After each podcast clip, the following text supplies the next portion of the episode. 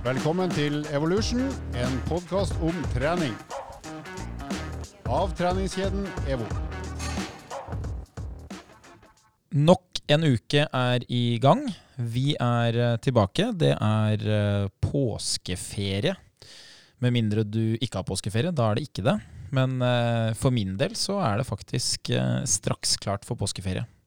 Det er jo, som vi snakka om i forrige episode, min eh, favoritthøytid. Eh, kanskje ikke pga. høytiden, men mest av alt pga. årstiden. Det begynner jo å bli eh, sol. Eh, nå var det sånn at det nettopp snødde ned i Oslo, så det er jo ikke Helt sommer er det vel ikke. Men eh, jeg kan jo si det sånn at statistisk så kommer folk i flipflops om en måned. Det, det er ofte sånn det, sånn det blir i Oslo. Det, det skifter ganske mye. Men påskeferie. Håper jo folk eh, får litt ferie, og at eh, man kan benytte seg av den. Jeg liker jo spesielt godt at man kan være en del ute. Det er litt lengre dager. Så det er årsaken til at jeg liker påske. Hva med deg, Linnea? Du er tilbake i studio etter eh, noen uker med alt annet enn ferie. Men eh, hvordan går det? Det går eh, mye, mye bedre med meg nå. Jeg er kjempeklar for å jobbe igjen nå som alle andre skal på ferie. Så jeg må jobbe litt med å ta igjen eh, timer som jeg mista, da. Ta igjen det tapte. Ja, Hvor uh, har du vært, holdt jeg på å si? Du har jo ikke vært på ferie. det har jeg ikke. Jeg har vært uh, sengeliggende og svimende. Um, jeg måtte jo operere øyet mitt uh, for et par uker sia. Jeg har jo fått netthinneløsning, så en liten warning til dere der ute. Følg med om dere får noen sånn skygger i øyet. For det er ofte man venter litt for lenge med det, før man gjør noe med det. Så gardina datt ned, og så måtte du henge opp gardina igjen. Helt riktig. Helt riktig. Ai, ai, En dum sammenligning det der. Den var fin, den. Nei, det, Jeg ser, jeg ser poenget, da. bortsett fra at det er vel det motsatte som skjedde. Gardina gikk vel ned. Det var vel Ja, Det ble jo ja. det ble, ja. Eller den gikk vel ikke ned, den gikk vel Jo, ned. Jo, opp, bort. Det, det ble mørkt, i ja, hvert det ble mørkt. Det ble dårlig syn. Mm, det ble dårlig syn. Og hva gjør man da? Da er det laser, eller er det med skalpell, eller hvordan foregår det her? Det er sånn eh, Hva kaller du det for noe? Sånn mikroskopoperasjon. hvor de går inn med mikroskop i den ene sida av øyet og sånn der liten sånn eh, dingsutstyr med den andre sida av øyet. da. Så de går inn bak øyet mitt, og så lapper de sammen netthinna mi. Så jeg har sånn strikk rundt øyet nå, som har gjort at øyet mitt har blitt litt lengre, så jeg har fått litt dårligere syn. Og så har de fryst ned de høla som har kommet i netthinna mi. Dette var langt mer avansert og ubehagelig å tenke på enn det jeg hadde sett for meg. Det er skikkelig nasty. Men det er bedre enn det jeg så for meg som alternativ løsning, som ville vært et realt hodeslag. For å banke det på plass igjen. Nei, det der hørtes jo drygt ut. Men det de fleste stiller spørsmål om da, er hvordan er det i dag? Funker det greit? Ja, øyet funker, så eh, nå det er mye, mye bedre. Jeg kan eh, se. Litt dårligere enn før, men eh, ja, det går mye bedre. Så siktebildet er på plass, og du er klar for uh, luftgeværskyting i påska? Oh yes! Ja, du da, Sindre. Du er jo i studio her, du. Fast, uh, fast makker. Hvordan uh, ser påska ut for deg? Nei, altså, det er jo sånn at jeg har søkt ferie, men min nærmeste leder, Andreas, han har jo ikke svart på søknaden min. Så jeg har jo, skremmende nok, så har jeg allerede kjøpt flybillett. Jeg tenkte jeg bare outer det her nå med en gang, så alle sammen som hører på, støtter meg i at jeg skal besøke svigers. Jeg håper gjerne å få komme dit, da. Neste uke. Ja, for det du sier nå, er at du har ikke søkt ferie om å ha ferie i ferien. Men, men du har derimot søkt ferie om å være borte etter ferien. ja, det er derfor jeg gjør det sånn som jeg gjør nå. Jeg har jo skjønt at jeg driter meg ut. Så du har, du har en ferie og ferie? Det er helt riktig, det. Ja, det er jo Men jeg lurer på om det er en ferie. Dæven, det er det. Ja, ferie, ferie og ferie. ja, ja, nei, det er en, det er en gavmild arbeidsplass, dette her. Og det, så han høres jo ålreit ut, han som er uh, nærmeste leder, faktisk. som lar deg gjøre det her. Men jeg er jo eh, spent på om, jeg, om kortet mitt funker når jeg kommer tilbake, da. Det er jo ja, det, det hender jo at døra er stengt, ja. Det var jo så skremmende fornøyd når jeg fortalte om de to andre feriene. Bare reis, du! Det er ikke noe problem. Og bli gjerne borte litt lenger, altså. Tenkte jeg, det er veldig hyggelig, da. Men når jeg begynner å tenke meg om nå, så skjønner jeg at det kanskje er en baktanke her. Ja, nei, det er vel Det største problemet her er vel at det er litt vanskelig å legge fra seg jobben når den er digital. Så det er vel samme for meg om du er her eller et annet sted. Touché. Sånn er det. Men du skal altså til Bergen i første omgang i påska? Jeg skal til Bergen. Ja. Hva står på planen? Nei, jeg skal jo besøke svigers. Eh, og så skal vi nå gå Stoltsen en tur. Det har jeg skjønt at man må gjøre når man er i Bergen. Ja, Stolsekleiven det er jo et kjent løp. Det er jo mulig å løpe, hvis jeg ikke husker feil, ca. 800 meter. Men problemet med de 800 meterne er jo at det er ganske mange høydemeter, så det er jo et brutalt løp. Jeg tror at jeg kanskje har vært ned mot sånn Kan ha vært ned mot 20 minutter en gang jeg testa. Så det, det sier jo sitt, da. Altså hvis du bruker 20 minutter på å gå 800 meter, Mm. da er det mange høydemeter. Da, for det bruker du ikke på å gå flatt på fortauet langs havnepromenaden, i hvert fall. Jeg kan være såpass ærlig med deg å si nå at eh, etter løpet på søndag, så blir det ikke noe løp i kommende fremtid. Nei, for du nevner jo en viktig ting der, da. Eh, Før vi forlater Bergen, så vil jeg jo si at det å gå opp Stålsekleiven, og så gå over til Fløyen, og så ned fra Fløyen, det er en veldig fin tur hvis det er bra vær. For det er et stort hvis. Ja, for da får du utsikten først fra Stålsekleiven, og så får du jo se Bergen mens du går ned fra Fløyen. Og det, det er jo ofte noe de fra Oslo ikke sier, men eh, det å gå fra Fløyen og ned er jo et ganske annerledes skue enn eh, å drive og fly rundt i Oslo. Det, det er ganske fint. Det er jo sånn som jeg har sagt til samboeren min nå, at eh, jeg hadde gjerne flytta dit om det hadde vært et par soldager ekstra i året. For byen er ganske fin. Det er som du sier, det er jo den opplevelsen sånn egentlig.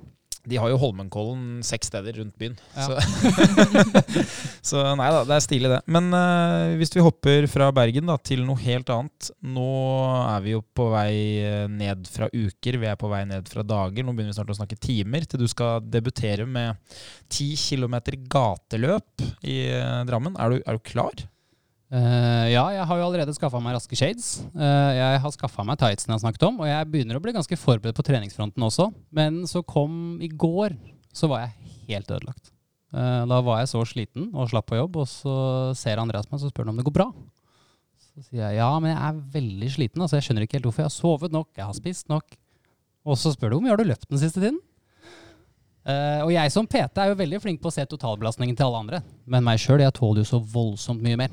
Eh, Så regna vi jo på det, og det var jo ingen tvil om hvorfor jeg var ganske sliten. Så jeg kjenner jo nå at eh, det skal også bli litt godt å bli ferdig. Men jeg tror det skal gå, at det skal bli gjennomført med ganske god margin, altså. Ok, ikke ganske god. Nå løy jeg, folkens. God. Jeg Det blir, eh, blir spennende å se, da. Det, mm, baksiden med 10 km gateløp med startnummer er jo at det blir en fasit etterpå. Det er jo også litt av moroa, og det er jo det jeg har tenkt hele veien. Eh, dette er noe jeg aldri har gjort, og som dere vet, så er jeg, har jeg jo ikke løpt 10 km før vi begynte å snakke om det her. Og i de tidligere episodene så ser jeg nok for meg at jeg hadde en litt kvassere tone til løping enn det jeg har i dag. Uh, I går to, ble, tok jeg en rolig tur, som såkalt sone 2 og sone 3-økt, ikke sant? Ja, ja. Det er vel, men, men egentlig en sone, sone 1-økt, hvis du stiller pulsklokka ordentlig. Ja. Jeg, jeg tror jo eh, såpass god form tror jeg du er i at eh, Det stemmer nok det, altså. Ja. Men eh, nei, og da tok jeg en roligere økt i går for å gjøre meg nå klar og bare få restituert ut nok. Men det har jo vært en sinnssykt morsom opplevelse. Det er jo utrolig gøy å se den forbedringen man har fått, og det er jo noe jeg aldri hadde sett for meg at jeg skulle si. Det er veldig gøy å bare kunne løpe fem kilometer nå. Så er det jo tid man skal til, men det å ha den muligheten, for det hadde jeg ikke før vi begynte med det prosjektet. Og det gir jo en enorm mestringsfølelse og nådd et mål man har satt seg, da. Så jeg håper at vi får den 50-minutteren på søndag. Det blir eh, spennende. Hva tror du, Linnea? Har du, har du troa? Jeg har 100% troa på Sindre. That's my girl! Ja, ja, ja. Herregud. Du har jobba så hardt. Dette kommer til å gå kjempefint. Jeg har også hørt på masse lydbøker i det siste av sånne mentalt sterke folk, så jeg skal skrike oppover der. Jeg er klar.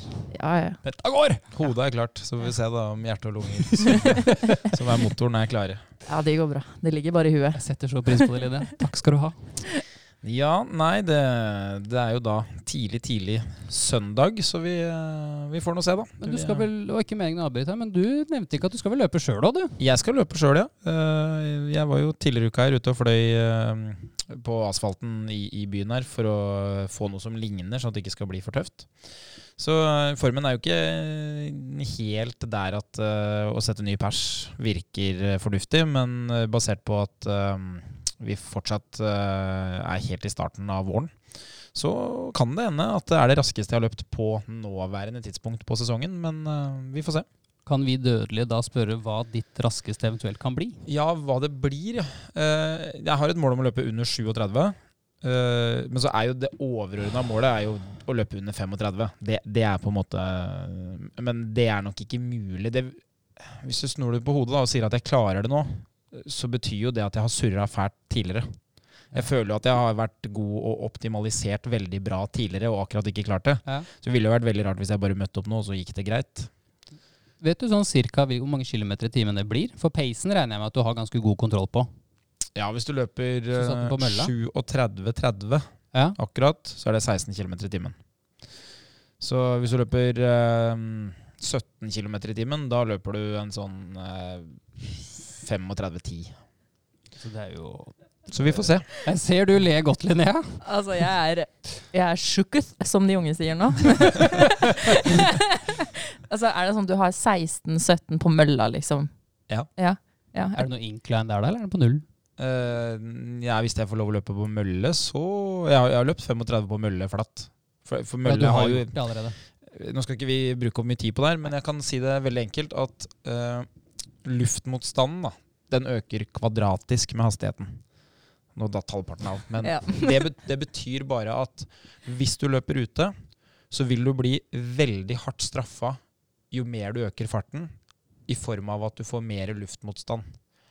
Og hvis du løper på mølle, da, så vil det jo være sånn at forskjellen på å løpe på mølle på 8 km i timen og 16 km i timen, det er bare farta. Luftmotstanden er ikke en variabel du trenger å ta hensyn til. Så Derfor så blir det sånn at å øke fart på mølle straffer seg ikke like mye som å øke fart ute. Derfor kan du løpe en god del raskere, og i tillegg til det så får du en annen fordel. Og det er jo at en mølle den har eksakt samme fart hele tida. Så, så der, hvis du velger en fart som du akkurat tåler på en kilo, 10 km, så går det. Mens hvis du f.eks. løper sentrumsløp i Oslo, da, hvor du starter med å løpe opp til Kong Harald, da får du en motbakke til å begynne med. Og da ser plutselig løpet helt annerledes ut, for da må du egentlig løpe litt roligere og så ta det inn senere. Eller så løper du i den farta du skulle, og så har du egentlig løpt for fort, og så blir du straffa da i ni kilometer etterpå. da. Så derfor så er det lettere å løpe mølle enn å løpe ute. Veldig interessant, faktisk. Det visste jeg ikke. Så derfor så eh, tipser jeg jo alle om å løpe på mølle, selv om det, de fleste syns det er kjedelig, men det er en veldig mye enklere fysiologisk jobb å få til å løpe mølle. Så de fleste burde kanskje begynt å løpe litt, si fra vinterferien til påskeferien, og så kunne du begynt å jogge ute etter påskeferien. Det ville vært veldig mye lettere. Det var jo en kjempeplan. Da har du blitt litt bart på bakken òg, da. Da er man jo forberedt. da. Ikke sant? Så nå har vi prata om de tingene som vi skal, og vi har prata om de tingene som er bra. Vi har jo gitt noen tips her til både fjelltur i Bergen og til løping på mølle. Men det vi skal snakke litt om i dag, det er jo egentlig ting som er helt i andre enden. Det er jo ting som irriterer oss. Det irriterer jo oss mest av alt på vegne av andre. Hvis de hadde gjort det, så hadde det blitt bedre både for dem og for alle andre. Så det skal du få høre mer om nå straks.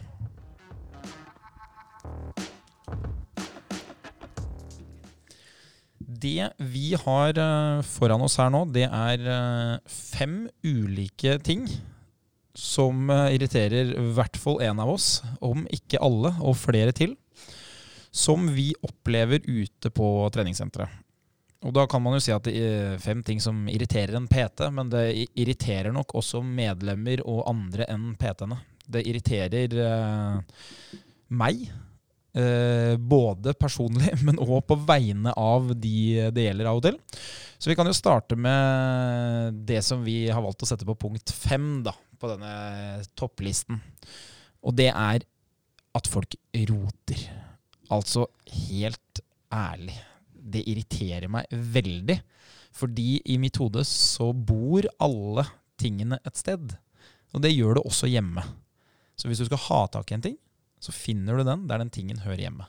Hva, tenker du, Sindre, som har eh, mange år inne på et treningssenter? Jeg tenker at jeg forstår hvorfor du tenker sånn, men på veien med alle disse årene på et treningssenter, så kan jeg si til deg med en gang at eh, er det én ting jeg har kartlagt, så er det at det er ikke alle som har et eh, ryddig rom og vet hvor tingene sine ligger på rommet. For når du finner en 20 kilo-plate, en 2 kilo-plate og en 1 kilo-plate, så selvfølgelig ligger det en sånn femmer foran det, da. Den ene gangen man bestemte seg for å rydde. Så skjønner man at her er det jo ikke noe strategi på hvordan ting skal være, og vi gjør ikke noe vurdering på det engang. Hvordan ser det ut der du jobber, Linnea? Er det ryddig? Det er, eh, det er veldig varierende. Vi har en eh, liten sånn torsdagsklubb eh, på kveldstid, så fredag morgen, da er det mye rydding for meg. Eller i hvert fall vært det de siste månedene. Og det er så tungt. Det er sånn, jeg kommer på jobb klokka sju på morgenen, og det første jeg må gjøre, er å lempe av 150 kilo på en stang. Som, en eller annen som drev og markløfta og bare latt den være. Og i tillegg til det så er det selvfølgelig en dude på to meter høy som har drevet med knebøy, da. Sånn typ 90 kilo kanskje, eller 100. Det var jævla mange på den der, mange skiver på den benken, eller på den stanga, da.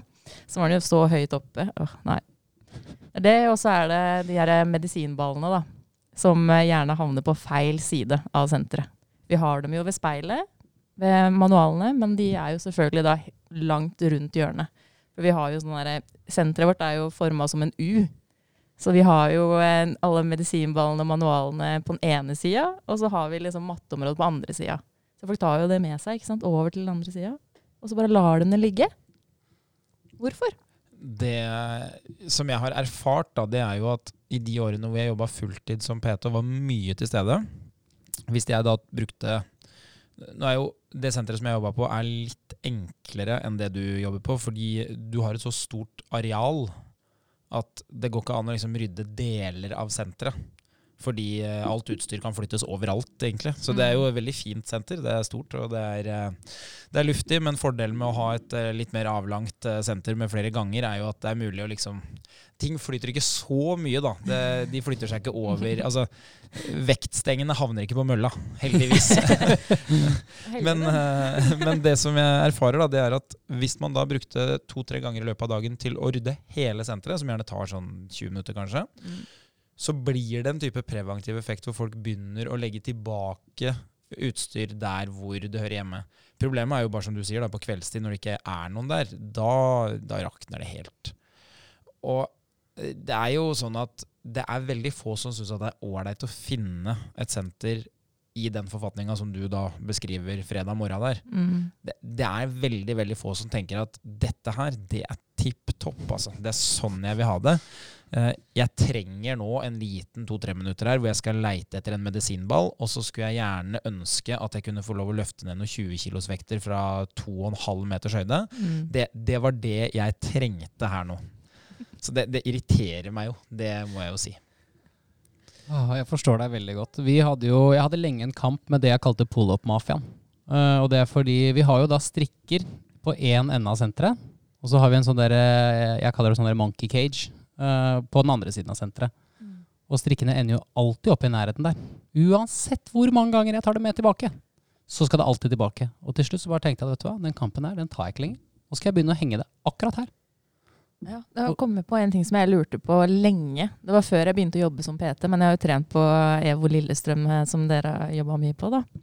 Jeg har alltid lurt på hvorfor strikkene er så langt unna der folk flest har pullups. Der har du egentlig et veldig godt poeng, da, og det er jo at uh, det som treningssentrene generelt kan gjøre for at de skal bli bedre for medlemmene, det er jo å observere om en del utstyr flytter seg alltid og havner samme sted alltid, for da burde man jo strengt tatt ha plassert et annet sted. Så det, Mm. det er et godt poeng, altså. Og det er vel egentlig det du sa, Sindre, at Ja. eh, til slutt så, så skjønte man jo at eh, det er her det hører hjemme. Det er, er det strikkene du refererte til, eller? For du har jo da trent på senteret både jeg og Andreas har jobbet på. Ja, det var strikkene jeg lurte på. Ja. Ja. ja. Hvis du går tilbake i dag, så er det rydda opp i, altså. ja ok. Jeg har Ja. bestemt meg for å følge deres uh, mening. Skjønte at det var like greit. Bortsett fra at jeg hang de tilbake der de henger i dag, da. Så, det, så noen bærer de akkurat i dette øyeblikk. Så det, nei, det er et godt poeng. Den, eh, den ser jeg. Eh, Jeg har jo hatt noen hva heter det for noe? incidenter. Noen episoder opp gjennom åra hvor, jeg- hvor- vannglasset har vært fullt. F.eks. når du har hatt en del PT-timer utover kvelden, og du eh, har rydda en del, og så møter du da torsdagsklubben, som du beskriver. Du er der selv og møter de. Da var det en gang en gutt som han hadde over 200 kilo i beinpressen. Og så hadde han også gått inn med utesko før han begynte å trene. Så at da, du kunne se skostørrelsen hans, og du visste at han var på do i andre enden av lokalet. Fordi du trenger ikke å være sporhund for å følge etter de sporene. for å si sånn. Og da, da var jeg allerede hva, hva er det man sier for noe? Da, da starta jeg med rennafart. Jeg var allerede lei. Jeg var, jeg var egentlig klar for at det, det der skulle opphøre. Så når han gikk fra beinpressen, så måtte jeg rett og slett bare ta han til side. Og så sa jeg du, unnskyld, er du ferdig her nå? Og han tenkte jo da selvfølgelig at eh, nå skal jo han PT-en her inn her og ha en PT-time. Så han bare ja, jeg er ferdig. Så sier jeg så bra. Det betyr at du skal rydde opp nå. Hæ? Nei eh, Nei, nei. jeg Det er jo bare kjekt at det står, da, fordi nestemann skal jo varme opp òg. Så sier jeg, veit du hva. Du har trent såpass mye at det vil være en, en sterk underdrivelse å tro at du er så svak at den personen som kommer etter deg, skal varme opp med, med det du kjørte på det tyngste.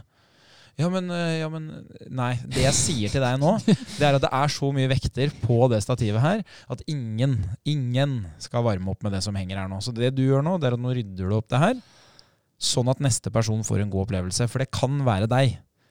Ja, ja, ja, men, eh, men det tar mye tid. Ah, No shit. Og da eh, Ja. Så eh, han svarte fint. Eh, Det er ikke alle andre incidenter som er en sånn. Så men det ordna seg, det. det. Han rydda opp, han. Og hata sikkert meg etterpå, men det, det lever jeg godt med. Noen ganger så må vi ta en kule for laget, må vi ikke det? Så vårt poeng er vær så snill, rydd opp. I hvert fall legg ting tilbake der du fant det. Så får det heller være treningssenterets problem at eh, de har strikkene sine på feil plass. Det, det må vi ta til oss. Ja. Ok. Nummer fire, den er jo litt tosidig da, faktisk. Fordi på den ene sida så liker jeg det, og jeg forstår det. Og på den andre sida så blir jeg irritert av det. Og det er filming inne på senteret. Altså ikke sånn fotballfilming, at man holder seg til leggen og kaster seg rundt, men uh, type filming med mobil.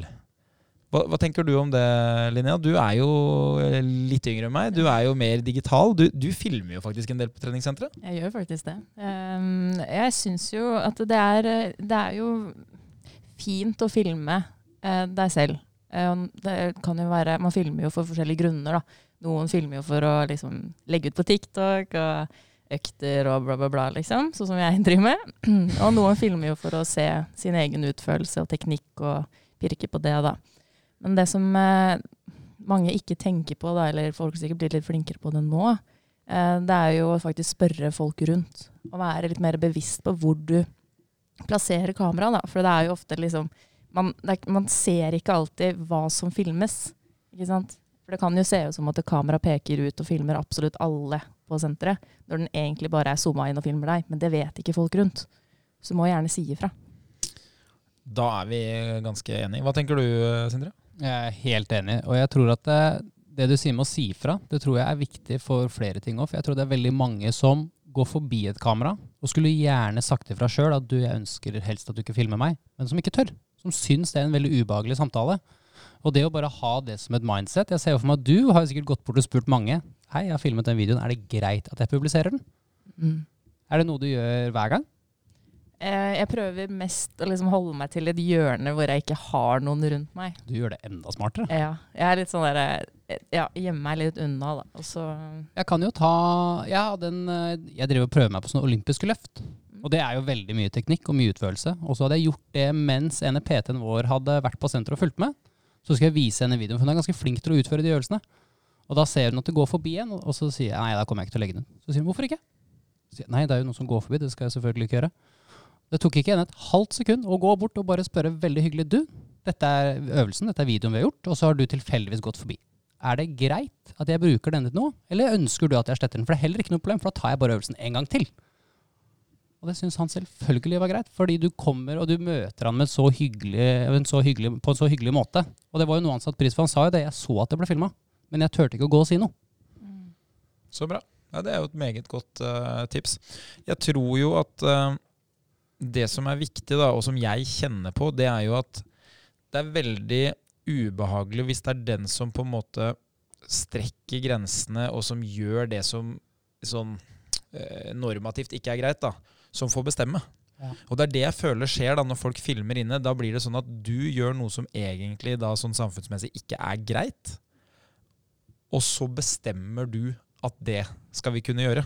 Altså nå Ikke du, Linnea, men de, den Ja. som filmer. Ja. Så Derfor så tenker jeg sånn at hvis jeg skulle ha filma inne på et treningssenter, så ville jeg vært veldig uh, ydmyk på at uh, jeg får alle som er i nærheten til å skjønne at uh, jeg har ikke som mål å filme deg, og det er selvfølgelig ikke noe problem å prate med meg hvis du lurer på hva som skjer.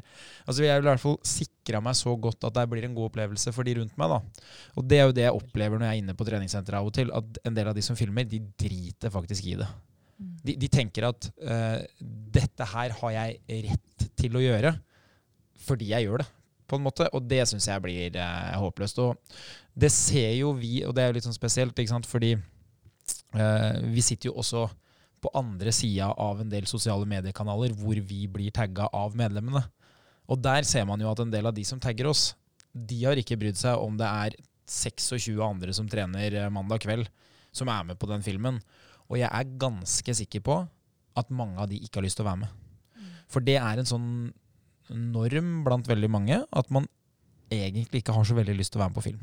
Det er litt sånn gammeldags tanke, kanskje, for eh, de yngre er jo mye mer vant til at de blir filma. Men de fleste som er eh, 50 pluss, de, de har ikke noe interesse av det. altså. Og det er akkurat det jeg pleier å referere til også, hvis man havner i en sånn samtale. Det er jo, det er jo noe vi ofte gjør som Peter. Hvis det er jo ofte vi som må gå og ta den kampen. Og da sier jeg, hvordan tror du mammaen eller pappaen din hadde opplevd det her hvis det var de de du hadde filma? Og da møter du ofte veldig mye forståelse, for det er jo som du sier, Andreas, den generasjonen som er den yngste generasjonen nå, de er veldig vant med kamera. Det er ikke mutter'n og fatter'n, det kan jeg garantere, for jeg får et, snap, et par snaps i uka. Og det er ikke Vi vet ikke hvilket kamera som er foran og hvilket som er bak. Nei, Så det vi sier da, det er spør folk og ta hensyn. Ja. Og så er det én ting til da når vi er inne på mobil, som, og det skjønner jeg ikke. Det, det, vet du hva, det, for meg så virker det Det virker helt merkelig. Og det er ikke bare på treningssenter, men det kan også være på bussen, og det kan være inne på kjøpesenter og sånn. Og det er at yngre folk de går rundt med høyttaleren på når de prater med noen i telefonen. Én, jeg driter jo i hva du prater om. Jeg vil helst ikke ha det bråket, verken inne på treningssenteret eller noe annet sted jeg er. Og to, det, det er jo helt håpløst gjort mot den personen du prater med. Altså Hvis den personen forteller noe som på en måte er type privat, da, og som gjerne skulle ha vært liksom mellom de to som prater sammen, så vet akkurat nå hele bussen det. Fra Lørenskog til Oslo. Alle vet det nå. Hele toget, eller alle på kjøpesenteret, vet det du fortalte nå. Og det høres for meg ut som noe jeg helst ikke ville opplevd. Hva er, hva er det som skjer? Altså, Jeg er jo litt sånn in between som den mellom, mellomgenerasjonen jeg er. Så jeg må jo supporte de yngre, for jeg velger å fortsatt anse meg selv som en av de yngre. Men jeg har ikke noen gode argumenter å komme med, altså, Andreas. Jeg Nei. ser det du mener. Jeg skjønner det. Jeg skal ta én ting til òg, bare at når jeg først er inne på ting som plager meg, som ikke står på lista vår engang. Det er når du ser sånne der, eh, videregående-elever som går sammen hvor alle har ørepropper. Ja, Hva er det som skjer der, da? Det er jeg helt enig i. Den skjønner ikke jeg heller. Nei, ikke jeg heller, altså. Det er jo så motstridende at de på den ene sida skal ha telefonsamtalen sin høylytt for alle. Men de skal fader ikke prate med hverandre når de går ved siden av hverandre. Da skal de høre på det de har i øra. Jeg skjønner ingenting, jeg. Men det de mange også gjør, er at du har én propp i øret, så du hører på noe samtidig som du prater. Og for meg så er det helt Først og fremst så klarer jeg ikke å prate med deg. For jeg aner ikke om du egentlig hører på det jeg prater om. Men jeg hadde jo ikke klart å gjøre det motsatt vei heller. Altså Det blir så vanskelig å holde fokus på samtalen, gitt. Ja, det blir det. Eller er det jeg Har dere, ja, har dere noen gang opplevd at noen har hatt en telefonsamtale på det ene øret mens dere har time? Eh, nei, ikke, ikke med en PT-kunde, men, men vi, vi alle har jo hatt en sjef som har ørepropper, eh, hvor jeg av og til er litt usikker på om vedkommende prater til meg eller i øreproppene. Ja, det, det har jeg jo, og det har vi jo lagd litt skuespill av av og til. At eh, her er tydeligvis alle til stede. For Ja. vi vet aldri hvem som er i øret og blir prata til. Mm. Jeg husker veldig godt da jeg jobba på Mækkern. De, da hadde jeg veldig ofte kunder, eller, ja, kunder som kom og hadde propp i øret og skulle prate til meg og til den personen ja, på så samtidig. Ja, det har jeg jo observert andre steder. Det er jo egentlig også veldig merkelig. Ja, det er skikkelig rart. Og så ekstra irriterende når det er på drive-through-en. For da skjønner du i hvert fall ingenting. Det er sånn Ja, skal du ha en Big Mac-meny? Ja, og så skal jeg ha en sånn derre sånn, Hæ? Du skal ha sånn nuggets? Nei. Jo, nei, hæ? Skal du ha is? Ja, is og noen nøkler Står det der bare Hva i alle dager er det du sier, liksom? Hvor mange er i bilen? Ja. Så er det én. Det er én, én du som jo kommer rullende. Nei, det, ja, det, det der kan jeg se. Nei, det, ja, det, det er rart. Jeg må, ja, det irriterer meg og fascinerer meg på en og samme måte. Ok, vi har kommet oss til nummer tre på den lista. Da skal vi tilbake fra ungdomsverden og ørepropper til, eh, til litt mer treningsrelatert innhold. En av de tingene som kan være litt irriterende, spesielt for oss som jobber på senteret og observerer, da, og det her er jo litt sånn irriterende på vegne av andre, fordi det skjer ikke så ofte med meg, altså da PT-en, fordi um, inne på treningssenteret så har man ofte liksom litt autoritet fordi at man har på seg klær og, som tilsier at uh, det jeg sier, det, det må du høre etter, liksom. Men det er jo at folk er, liksom, de er lite fleksible. Så på den ene sida så er det jo liksom lite fleksibel i form av det å dele på utstyret. Altså Folk sitter og gnir på apparater fordi at det skal de gjøre, istedenfor å da følge med. Ok, eh, dette apparatet fins det ett eksemplar av her inne. Det fins to mennesker som ønsker å benytte seg av det apparatet. Kanskje jeg skulle ha løfta blikket litt, sett på vedkommende, sagt du, hvis du vil, så er det bare å kjøre imellom. Så vil de fleste ikke det, men da har du i hvert fall tilbudt det. Er det noe du opplever ofte? Absolutt. Eh, Men så må jeg jo si det at de gangene hvor man begynner å gjøre det med hverandre, så ser jo jeg det på medlemmene at det blir også en kultur. Du begynner jo å bli kjent med vedkommende som er på senter. Så det er en veldig enkel inngangsport på å få seg et lite nettverk på senteret om man er ny. Og ja, det er veldig skummelt i starten, men de aller fleste er veldig hyggelige altså, og sier ja hvis du spør. Mm. Men det er jo ingen tvil om at det også er veldig mange som sitter på telefonen mens de f.eks. sitter i en leg-extension, og så får du ikke med deg at det sto to-tre stykker ved siden av og venta på sin tur. Ja, Det er jo et godt poeng at de fleste følger jo ikke med heller. ikke sant? Så, så det kan hende at de egentlig er fleksible, de, har bare ikke, de er ikke til stede. Men en annen ting som jeg også merker da, i forhold til det med fleksibilitet, det er jo at veldig få av de som trener, har en reserveløsning. Det kan jo være fordi de ikke har kompetanse, men, men hvis du liksom øh, Av og til altså får man jo noen tilbakemeldinger fra medlemmer om at du, øh, jeg syns dette treningssenteret fungerer dårlig fordi at øh, det apparatet er aldri ledig, det er alltid en som sitter der. Så tenker jeg sånn jeg tror opplevelsen din hadde blitt bedre hvis du hadde hatt en reserveløsning. Hvis vi bruker da f.eks. Eh, si at benkpressen er opptatt. da. Hvis du hadde kunne kjørt eh, type brystpress med manualer, eller du kunne kjørt eh, brystpress i apparat. Altså Det fins så mange ulike metoder. og den eneste gangen hvor jeg tenker at ok, jeg forstår at ikke du kan bytte, det er jo hvis du skal delta i kretsmesterskapet i benkpress eller noe sånt. Da skjønner jeg at ikke det går an å bytte. Men de aller fleste andre de kan jo bare velge noe annet. altså. Jeg tror vi henger oss veldig opp i detaljene og det som står på papiret der og da. Og det er som du sier, det er nok, kommer nok veldig ofte av mangel på kompetanse og litt usikkerhet. Men det er veldig mange alternativer som kunne gjort den treningsøkta mye mer effektivt. Ikke sant. Nummer to da på lista. Lite effektivt. Det, Hvor vil dere begynne, folkens? det er jo en beskrivelse av hva mange bruker tida si på. Og det som gjør at det irriterer litt, er jo at man har høye drømmer, ambisjoner og målsetninger, og så leverer man et stykke innsats som er lite effektivt. Så det vi har snakka litt om, er jo f.eks. idet du setter beina dine på innsida av treningssenteret. Da har de fleste en oppfatning av at da har de gjort sitt. De har meldt seg inn, de har tatt avgjørelsen, de har reist dit, og så vet de ikke helt hva de skal. Så det å liksom ha en god plan, er, er det for mye å forlange? Hvordan er det når du møter folk på treningssenteret, Linnea? Hva, ja. Er det mange av de som ikke har en plan? Det er ganske mange av de, eh, men de pleier som regel å liksom tusle rett bort til mølla, da. Og så etterpå liksom klage på at det, de ikke får liksom noe utbytte av treningen. da. For de liksom ikke, blir jo ikke noe sterkere. Nei, det er jo ikke rart når du kommer og går med en gang. Jeg har vondt i ryggen, jeg, sjø. Ja. Så nå har jeg gått på mølla her i fire uker. Hver gang jeg løfter noe, så kjenner jeg det i ryggen. Ja, nei, men kanskje vi skulle prøve noe styrketrening, da. Det Ja, nei, det Men altså det, det blir jo som å begynne å bygge et hus, og så har du ikke peiling på hvordan huset skal se ut. Eh, Og det er det jeg ofte sier til disse menneskene. Har du et mål? For det gjør det veldig mye lettere nå å sette opp en plan som gjør at vi kan lykkes. Ja, for det er jo ikke noe hemmelighet her at hvis du har hatt en god plan, så hadde du visst hva du skal. Ja. Og planen trenger ikke være god. Ikke? For det å gjøre noe vil gi resultat. Så du kan egentlig du kan velge mellom tusenvis av ulike treningsplaner. Det ville blitt bra. Men som du sier, da, Linja, det å møte opp og så tenke at ok, det, oi, her vet jeg ikke hva jeg skal. Det beste her er jo bare å gå på mølla, for den har jeg sett før. Da blir det et veldig svakt resultat, for da gjør du bare én ting, og mest sannsynlig så gjør du ikke så mye av det heller.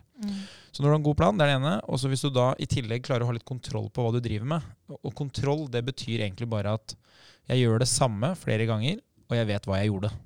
Så ok, her har jeg da, om det er mølla, da, vi kan godt bruke det. Her er mølla, den har jeg vært på i 30 minutter. Og i 20 av de 30 minuttene så har jeg gått på 5, og i 10 minutter så har jeg løpt på 7,5. Da har du kontroll. Da vet du hva du har gjort, og det gir da rom for det som er virkelig poenget her. Det er progresjon. Mm. Det er jo at noe må bli tyngre over tid for at du skal bli bedre. Så du må ha en plan, du må ha kontroll, og så må du ha progresjon. Og Yes. en av de tingene som jeg opplever da, som kan være litt sånn irriterende, det er at folk har misforstått prinsippet om variasjon. Man snakker om at variasjon er bra. Variasjon er kjempebra.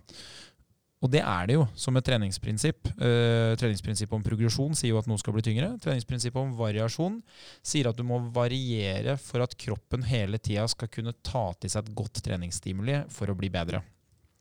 Variasjon i treningsprinsippet er da f.eks. du løfter benkpress. Den ene dagen så løfter du tre ganger ti. Så for å variere, sånn at du kan få litt ulike impulser, så kanskje du neste gang kjører fire ganger åtte. Eller så kjører du fem ganger fem. Det er prinsippet om variasjon. Men det vanlige mennesker, og en del som jobber med trening, legger i prinsippet om variasjon, det er å gjøre noe helt annet. Det er å variere mellom eh, knebøy og markløft, som egentlig ikke har noe med hverandre å gjøre. Hvis du har trent en god stund, så kan du få lov å variere mellom de to øvelsene for å opprettholde god styrke. Men det du egentlig gjør hvis du varierer mye og trener lite, det er jo bare at du skaper enormt stor avstand mellom hver gang du får påvirkning på musklene. Så hvis du varierer mellom å trene underetasjen og toppetasjen, da, si at du trener beina, og så trener du neste gang overkroppen, for du liker å variere, og du trener én gang i uka, da blir det to uker imellom hver gang beina dine trener. da. Så prinsippet om variasjon, det handler ikke om å endre alt. Og, og grunnen til at man gjør det, da, i hvert fall sånn som jeg oppfatta det, det er jo pga. motivasjon. At man tenker at ja, det å variere, det, det, motiverer meg. Ja, men jeg tror gode resultater hadde motivert deg mer på sikt. Er det mange som uh, liker å variere hos deg, Linnea? Eller har du hørt det? At har, folk vil variere? Ja, jeg har hørt det. Det er, det er sånn trendgreie nå, tror jeg. Sånn der, folk kjøper jo sånne programmer på nett hele tida. Så er det liksom sånn de selger inn med sånn derre ja, du får nye øvelser uh, hver uke. Ingen uker, ingen økter er like. Alt er forskjellig hele tida. Det er sånn OK, hæ? hæ? Hvordan skal du bli god? Hvordan skal du bli sterkere når du gjør noe nytt hver eneste gang?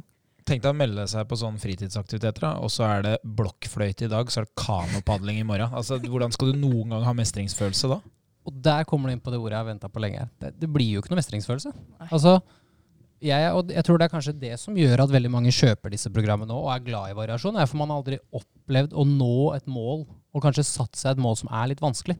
For eksempel når en, noen begynner på treningssenter og har lyst til å klare ta markløft. da. Eller jogge mi, en mil på en time. Det høres veldig veldig vanskelig ut, men med en god plan Det verste er planen trenger ikke å være så voldsomt god engang. Men du trenger bare å gjennomføre, og som du sier, å logge. Så vil du oppnå det resultatet, og det kommer du aldri til å glemme.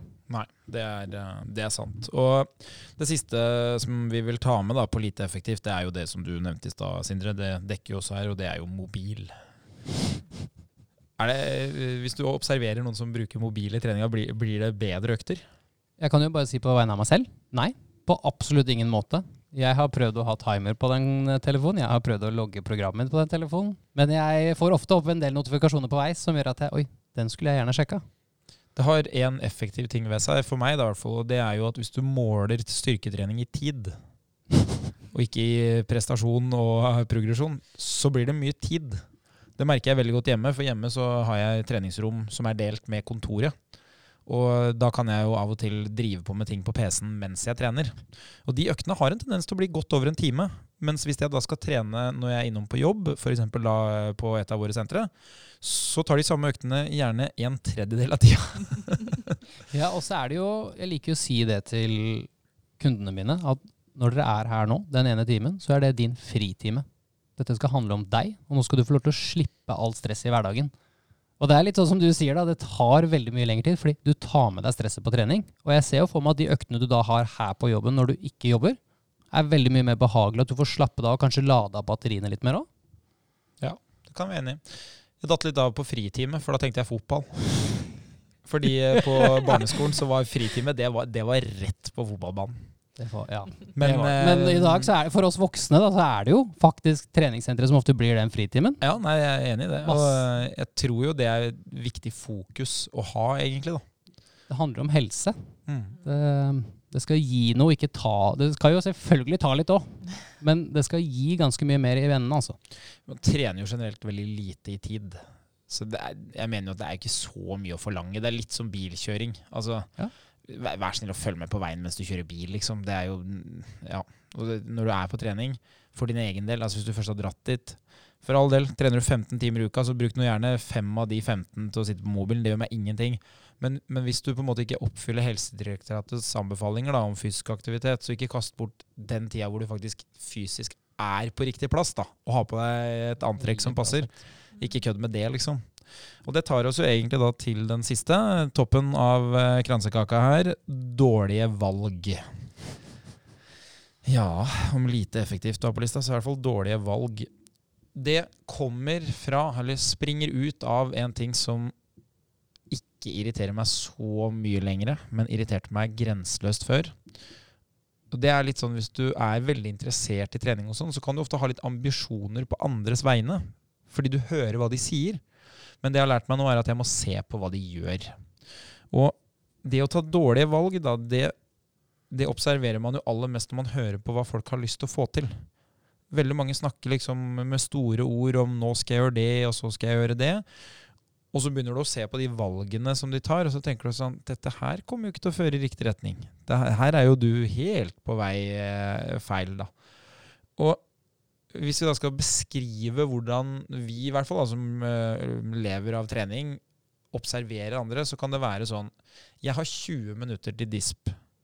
Men oppi hodet mitt så tenker jeg at en treningsøkt den vil ikke være bra med mindre den minimum er 30 minutter. Hva gjør de fleste da, Sindre, hvis de har 20 minutter? Da rekker jeg en episode på TV-en, da.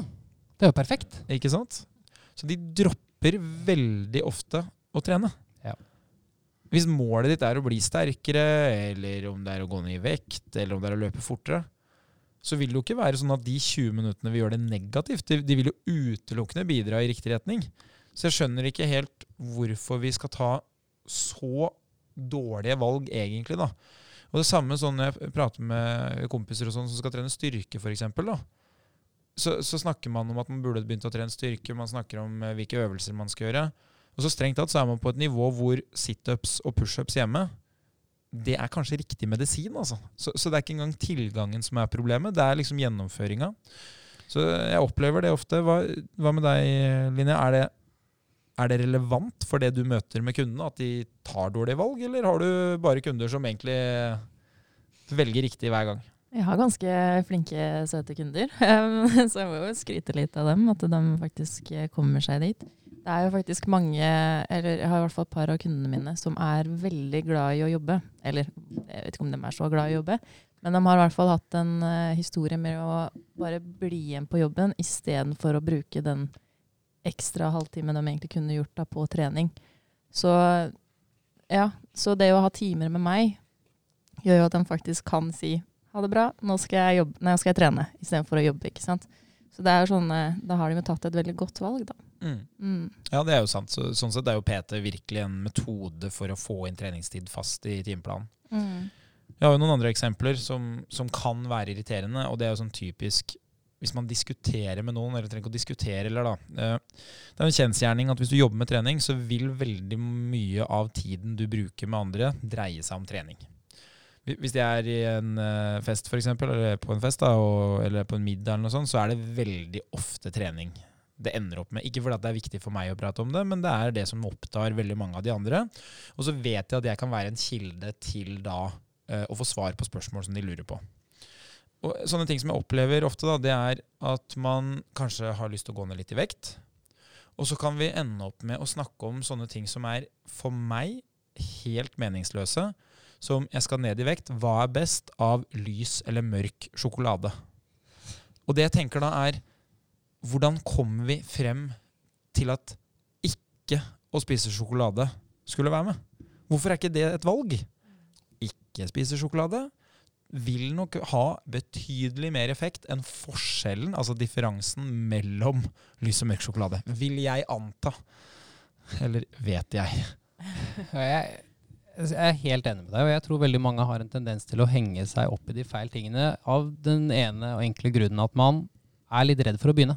Man er litt redd for at det skal være vondt, så man prøver å finne en del shortcuts og egentlig begynne å fantasere og visualisere om hvor godt det skal bli å nå målet. Men så begynner du å tenke på alt arbeidet som kreves for å nå det målet. Og når man begynner å diskutere med seg sjøl, litt sånn som det ble nevnt her nå i en tidligere podkast, det å skal drive og diskutere med seg selv før man gjør et valg, den kampen taper du uansett. For du finner gode argumenter for å slippe unna. Mitt beste råd til absolutt alle er å bare Og det er veldig vanskelig, jeg sliter jo med det sjøl, men bit i det sure eplet og gå. Ikke nøl. For med en gang du kommer dit, så blir de 20 minuttene ofte veldig morsomme. Og du angrer ikke etterpå. Veldig mange må jo løpe type 3000 meter test på ungdomsskolen og sånn. Hvis du varmer opp i ti minutter og løper en 3000 meter test, så vil det for de fleste være ferdig på godt under 30 minutter. Og det vil være helt jævlig. Så du rekker å få til ganske mye. Nå var jo dette et negativt forslag til hva du skal gjøre, men det bare viser hvor mye tid egentlig det er da, i de minuttene, i form av hva du får til. Men jeg har noen flere sånne ting under dårlig valg ja, som uh, dukker opp uh, i hodet her. Uh, og det kan jo også være sånn type hva man skal gjøre da, av trening. Ja, og, og, før det da, så kan det også være sånn Andreas, jeg har lyst til å, har lyst til å bli svær. Det, det, er jo det er en klassiker, det. Ja, Om ikke svær, da, så i hvert fall jeg har lyst til å liksom se bra trent ut. Bør, bør, jeg spise proteinpulver? Jeg har hørt at liksom, hva, hva er det jeg bør ta? Du, du, bør ikke ta noen ting. Du bør slutte å ta. Du bør, du, bør, du bør, kanskje gå ned fra fire til tre brødskiver. Det hadde vært en start. Og så begynt å kanskje gå litt mer. Eh, kanskje løpt litt, så hjertemuskelen får trimma litt. Og så generelt trent styrke, da. Det er jo en god start. Det er liksom, hvorfor starter vi med de tingene som for meg er helt bakerst i køen? Det er jo, en, det er jo en, på et mikronivå hvor eh, effekten er stor for den som allerede har maksimert potensialet. Men for vanlige folk, hva, hvorfor gjør vi det, Linja? Hva? Jeg vet ikke helt, men jeg tenker liksom sånn eh, fort tilbake til sånn TV-shop og sånt. For. Det er liksom så enkelt for folk å bare kjøpe inn ting som skal gi deg effekten. ikke sant? Kjøp denne pilla her, så forbrenner du mye fortere. ikke sant? Og hvis folk da liksom har hørt ja, når folk har hørt at proteinpulver er veldig bra fordi man trenger mer proteiner for å bygge muskler, så er jo det på en måte logisk for dem når de har liksom vant til å se det på TV-en. da. Kjøp dette, kjøp dette, få dette, få dette. Så alt er liksom legge på, legge på, legge på. Det er en fantastisk referanse, faktisk. TV-Shop. De tjente jo bøttevis med penger. Og det som var allment kjent, var at det de solgte, var dritt. Ja. Tenk deg det, liksom. Alle visste at dette her, det er bare lureri. Ja. Og folk kjøpte det. det fantastisk. Men så er det jo, jeg føler at Hvis vi tenker oss tre som PT, så går vi jeg ser at vi alle går i samme tankemønster. Og de vi møter, går ofte i det motsatte. Og det er jo litt sånn behovspyramide de har jo gjerne sett kanskje en influenser, en toppidrettsutøver, gjerne en atlet, som bruker disse produktene du refererer til. Da. Og det er ingen tvil om at når du er blant 0,000% så er alt effektivt. Alle de små trådene du kan trekke, det vil dra ganske store deler av lasset. Men når du ikke har begynt med trening ennå, så er det veldig mye mindre ting du kan begynne med, som vil gi ekstremt mye større avkastning. Mm. Absolutt. Nå kommer jeg på en veldig sånn Det er litt flaut å innrømme, da, men jeg har jo handla på TV-shop før. Åh, ja. hva? altså, jeg, jeg, var ti, tror jeg. Og så liksom, trygla jeg og ba pappa om å kjøpe det der um, beltet jeg hadde sett på TV-shop. Er det ab-maskinen? Ja. sånn strømbelte? Ja. Du, det var dritkult! Jeg husker, jeg husker den sixpacken. Jeg. Han hadde jo så rå ja, sixpack på TV-en. Jeg drømte om den sjøl. Ja, jeg, jeg, satt og liksom, det der, jeg var så overbevist Altså Ti år gamle meg var så overbevist på det der. Det skulle gi meg sixpack. Skulle være helt Supermann, du. Det er jo det er en morsom ting, for det er et spørsmål jeg får veldig ofte, om sånn strømtilførsel funker. Og jeg, jeg, kan jo si det sånn at det, det er en, det er en blindgate. Det funker veldig dårlig. Men uh, det som skjer, er jo selvfølgelig at muskelen strammer seg jo, fordi muskelen reagerer jo på elektrisk impuls. Det er jo det som hjernen sender. Problemet er jo bare at det fins jo ingen form for reell belastning her. Sånn at cellene de får jo på en måte ikke noe De får ikke noe jobb som gjør at de skal forbedre seg til neste gang. Så du sitter jo da bare og fyrer opp en muskel som Det kan jo kanskje i beste fall skape litt bedre kontakt, eh, sånn at du evner å finne den muskelen igjen. Men det viser veldig svake resultater i form av at du blir sterkere eller får mer muskelmasse. Da. Så det er jo kanskje det du vil ha, faktisk. Ja, det var jo det jeg ville ha. Jeg ville ikke bare ha konstant krampe i magen, liksom. Men igjen, da. Det å bare, du Husker du ikke den videoen nå? Når du, han satt bare i sofaen. Så Ja. bare jobba den, og så tok kona hans over og jobba litt. Grann. Og på tolv uker så hadde begge sixpack. Mm. Det så jo kjempeenkelt ut. De brukte alltid de som var kanongodt trent og Ja. dopa. Ja, Det var, ja, ja. liksom, det var Ja, ja. kriteriet for å være TV-shop-modell. Du må ha minimum tatt noe, og du bør se ut som en million. Ja, Det, sånn pretty much. men det er jo det siste punktet jeg hadde her på dårlig valg. Da. Det var jo faktisk eh, det med en million. Nei, det var uh, i form av vekt. Uh, ned i vekt. Å kjøre situps. Ja. Det jo er en sånn jeg, jeg skjønner jo at det er en enkel måte å ty til, for det er jo på en måte å angripe direkte på problemet. Men det kan jo umulig være noen gode referanser som kommer derfra. Det er, det er det jeg ikke skjønner. At hvis du aldri har hørt at det er en god idé fra noen altså Det er jo intuitivt å tro det, det skjønner jeg jo, ikke sant? Fordi gjerne det er magen som jeg vil ha ned volumet på, så derfor så må jeg jo trene musklene i magen.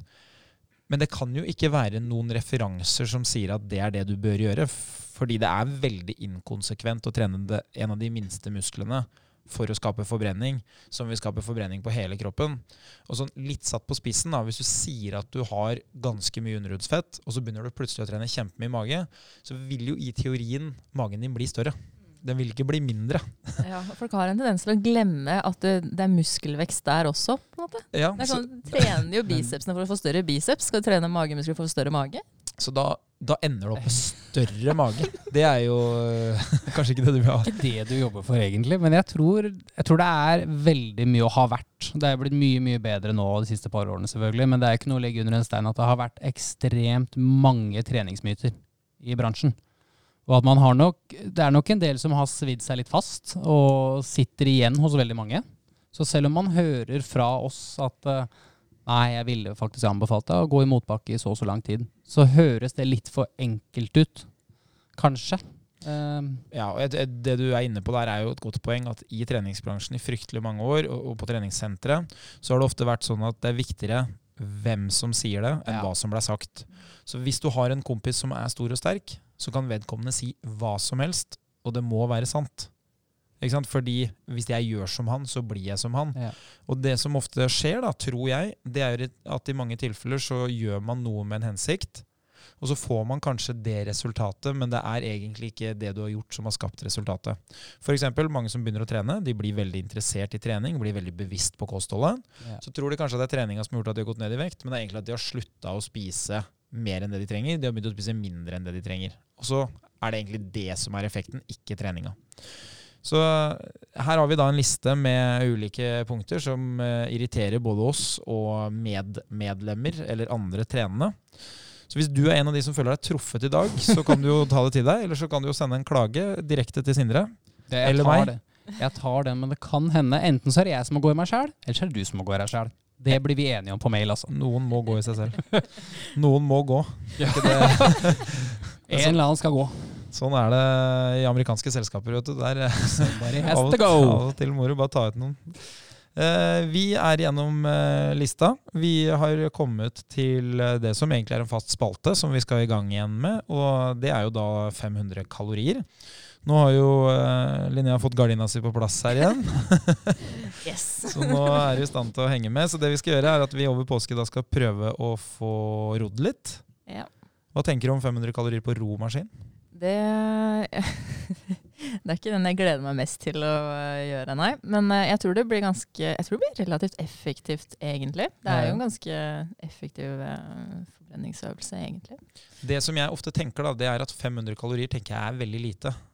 Men så mens jeg holder på, så tenker jeg det er veldig mye. Det er akkurat det. For det tar ganske lang tid. Ja, og jeg er ikke, altså jeg er ikke så vant til å bruke den romaskina. Altså, de gangene jeg får meg selv til å sette meg på den romaskina, er når jeg skal kjøre det fiskespillet som varer i fire minutter. Fordi, Det er verdens tøffeste aktivitet, det fiskespillet. Jeg skjønner ikke Jeg fatter ikke hvordan man skal holde seg i live på det fiskespillet. Du må ro, da. Så gøy at du også har prøvd det, for det er det jævligste jeg har prøvd. Jeg, jeg tror rekorden er 1 minutt og tolv sekunder eller noe sånt. Det er helt pyton. Nei. Jeg synes det er ganske Ja, Har du funnet ut at du kan sette ned nivå eller noe sånt? da? Fordi hver gang jeg prøver, så er det jo Den fisken ligger jo klistra i nedkant, og så må du trekke for at den skal sveve. Ja. Og jeg gjør jo ikke annet enn å trekke. Jeg trekker jo for harde livet. Jeg er jo full spurt fra start. Et håpløst spill. Eh, Hvis den som har lagd det, hører på, så ta gjerne kontakt og fortell meg hva jeg skal gjøre. Hvem er det som må gå i seg sjøl da? Er det fiskesjefen, eller er det Ja, Andreas? altså, hvis du må ha Jeg tror det er eh, Hvis du må ta OL-gull for å kunne delta, da syns jeg det er håpløst. Nei, så vi skal prøve å ro. Det blir jo spennende. Det er som du sier, det er jo kanskje en god eh, metode å bruke for å bruke kalorier. Så det det tror jeg skal bli bra. Det er jo lettere å spise 500 kalorier enn å bruke de. ja, Kan jeg få gjøre det neste gang, eller? Ja, en pose med yoghurtnøtter for eksempel, er vel sånn 482 kalorier. Det Enkelt Ja. og greit. jeg tror jeg skal Men enda bedre enn det en liter sjokomelk. Det tror jeg jeg klarer på under et minutt. Altså. Ja, det er ikke store Nei, problemer. men liter er kanskje ikke Det er kanskje 600 kalorier, faktisk. jeg tenker meg om. Får legge opp litt ekstra O'boy-pulver, da, så får vi Det er for lett. det er for lett. Vi har også en ting til vi skal gjøre, og det er jo den challengen. Der har vi jo både hoppa litt, og vi har jo spurta litt, og vi har jo um, eh, kjørt burpees. Nå skal vi jo virkelig ta inn en god gammel uh, venn her, som uh, ble misbrukt på diverse skoler uh, før i tida, som heldigvis det treningsfaglige har skjønt at det ikke er så smart. Men mesternes mester derimot, de elsker den gode gamle 90-graderen. Så det er den vi skal teste. Hvor lenge tror du at du står, Sindre, på strak arm? To minutter og 24 sekunder. To minutter og 24 sekunder. Det var jo veldig spesifikt, da. Ja. Tror du det blir to minutter og 24 sekunder hvor du har to minutter hvor du føler deg fin, og så er det full stopp, eller tror du det blir dritt fra start? Jeg ser for meg at knekken kommer på sånn rundt 1,15. Det blir spennende å se, da. Ja. Eh, Mm. jeg tror at Linnea slår 2,24. Det tror jeg òg. Så, så selvsikker du sitter her ved siden av meg nå? Ja, fordi liksom, jeg tenker tilbake til uh, da jeg hadde min karriere i uh, 90-gradersforbundet. ja. Er det enda en idrett du har drevet med, eller? Nei, men uh, til en uh, kung fu uh, osho-idretten min. Aha.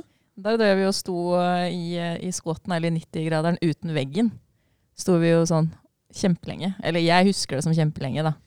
Uten veggen. Eh, eh, det du sier nå, tar meg inn på noe helt annet. Oh, men som uh, em, Både i Tyrkia og til dels på Kypros de første gangene jeg var der, så hendte det at på stranda eh, så var det sånn at hvis du skulle på do som gutt var det jo veldig enkelt, for det hullet i bakken var jo ikke noe problem. eh, Men som jente, eller eh, de som eventuelt hadde mer de skulle gjøre enn å bare tisse, der var det ikke noe do.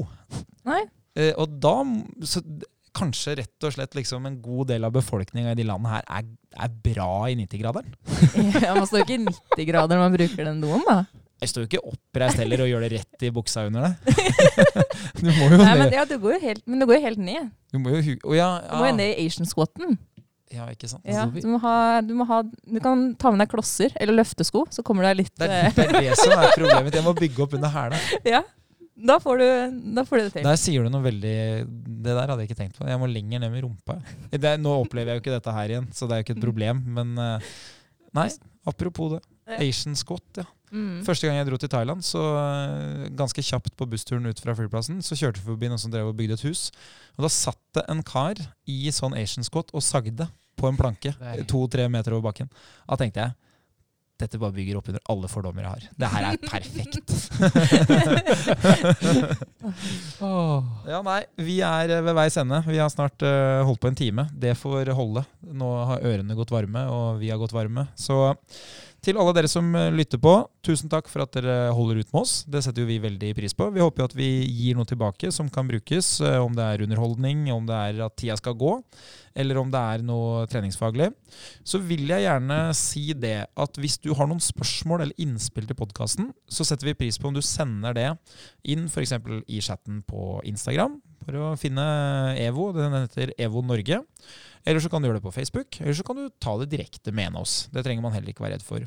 Og vi får inn en del eh, spørsmål. Så det vi ønsker å gjøre, er å lage en oppsummering etter hvert, hvor vi lager en episode hvor vi svarer på spørsmålene. Så det skal vi prøve å få til, for det er mange gode spørsmål, og vi ønsker jo å bidra til litt mer klarhet, sånn at folk kan eh, få en bedre treningshverdag. Så inntil videre, ha en eh, fin påskefeiring. Kos dere. Prøv å få trent minimum én gang. Så skal vi andre da øve på 90-graderen. Uh, ukjent årsak til hvorfor vi skal bli gode i 90-graderen, det får vi velge selv, men det skal vi i hvert fall gjøre. Så takk for nå. Vi uh, høres. Vil du vite mer om trening, abonner på podkasten og sjekk ut vårt treningsmagasin på evo.no.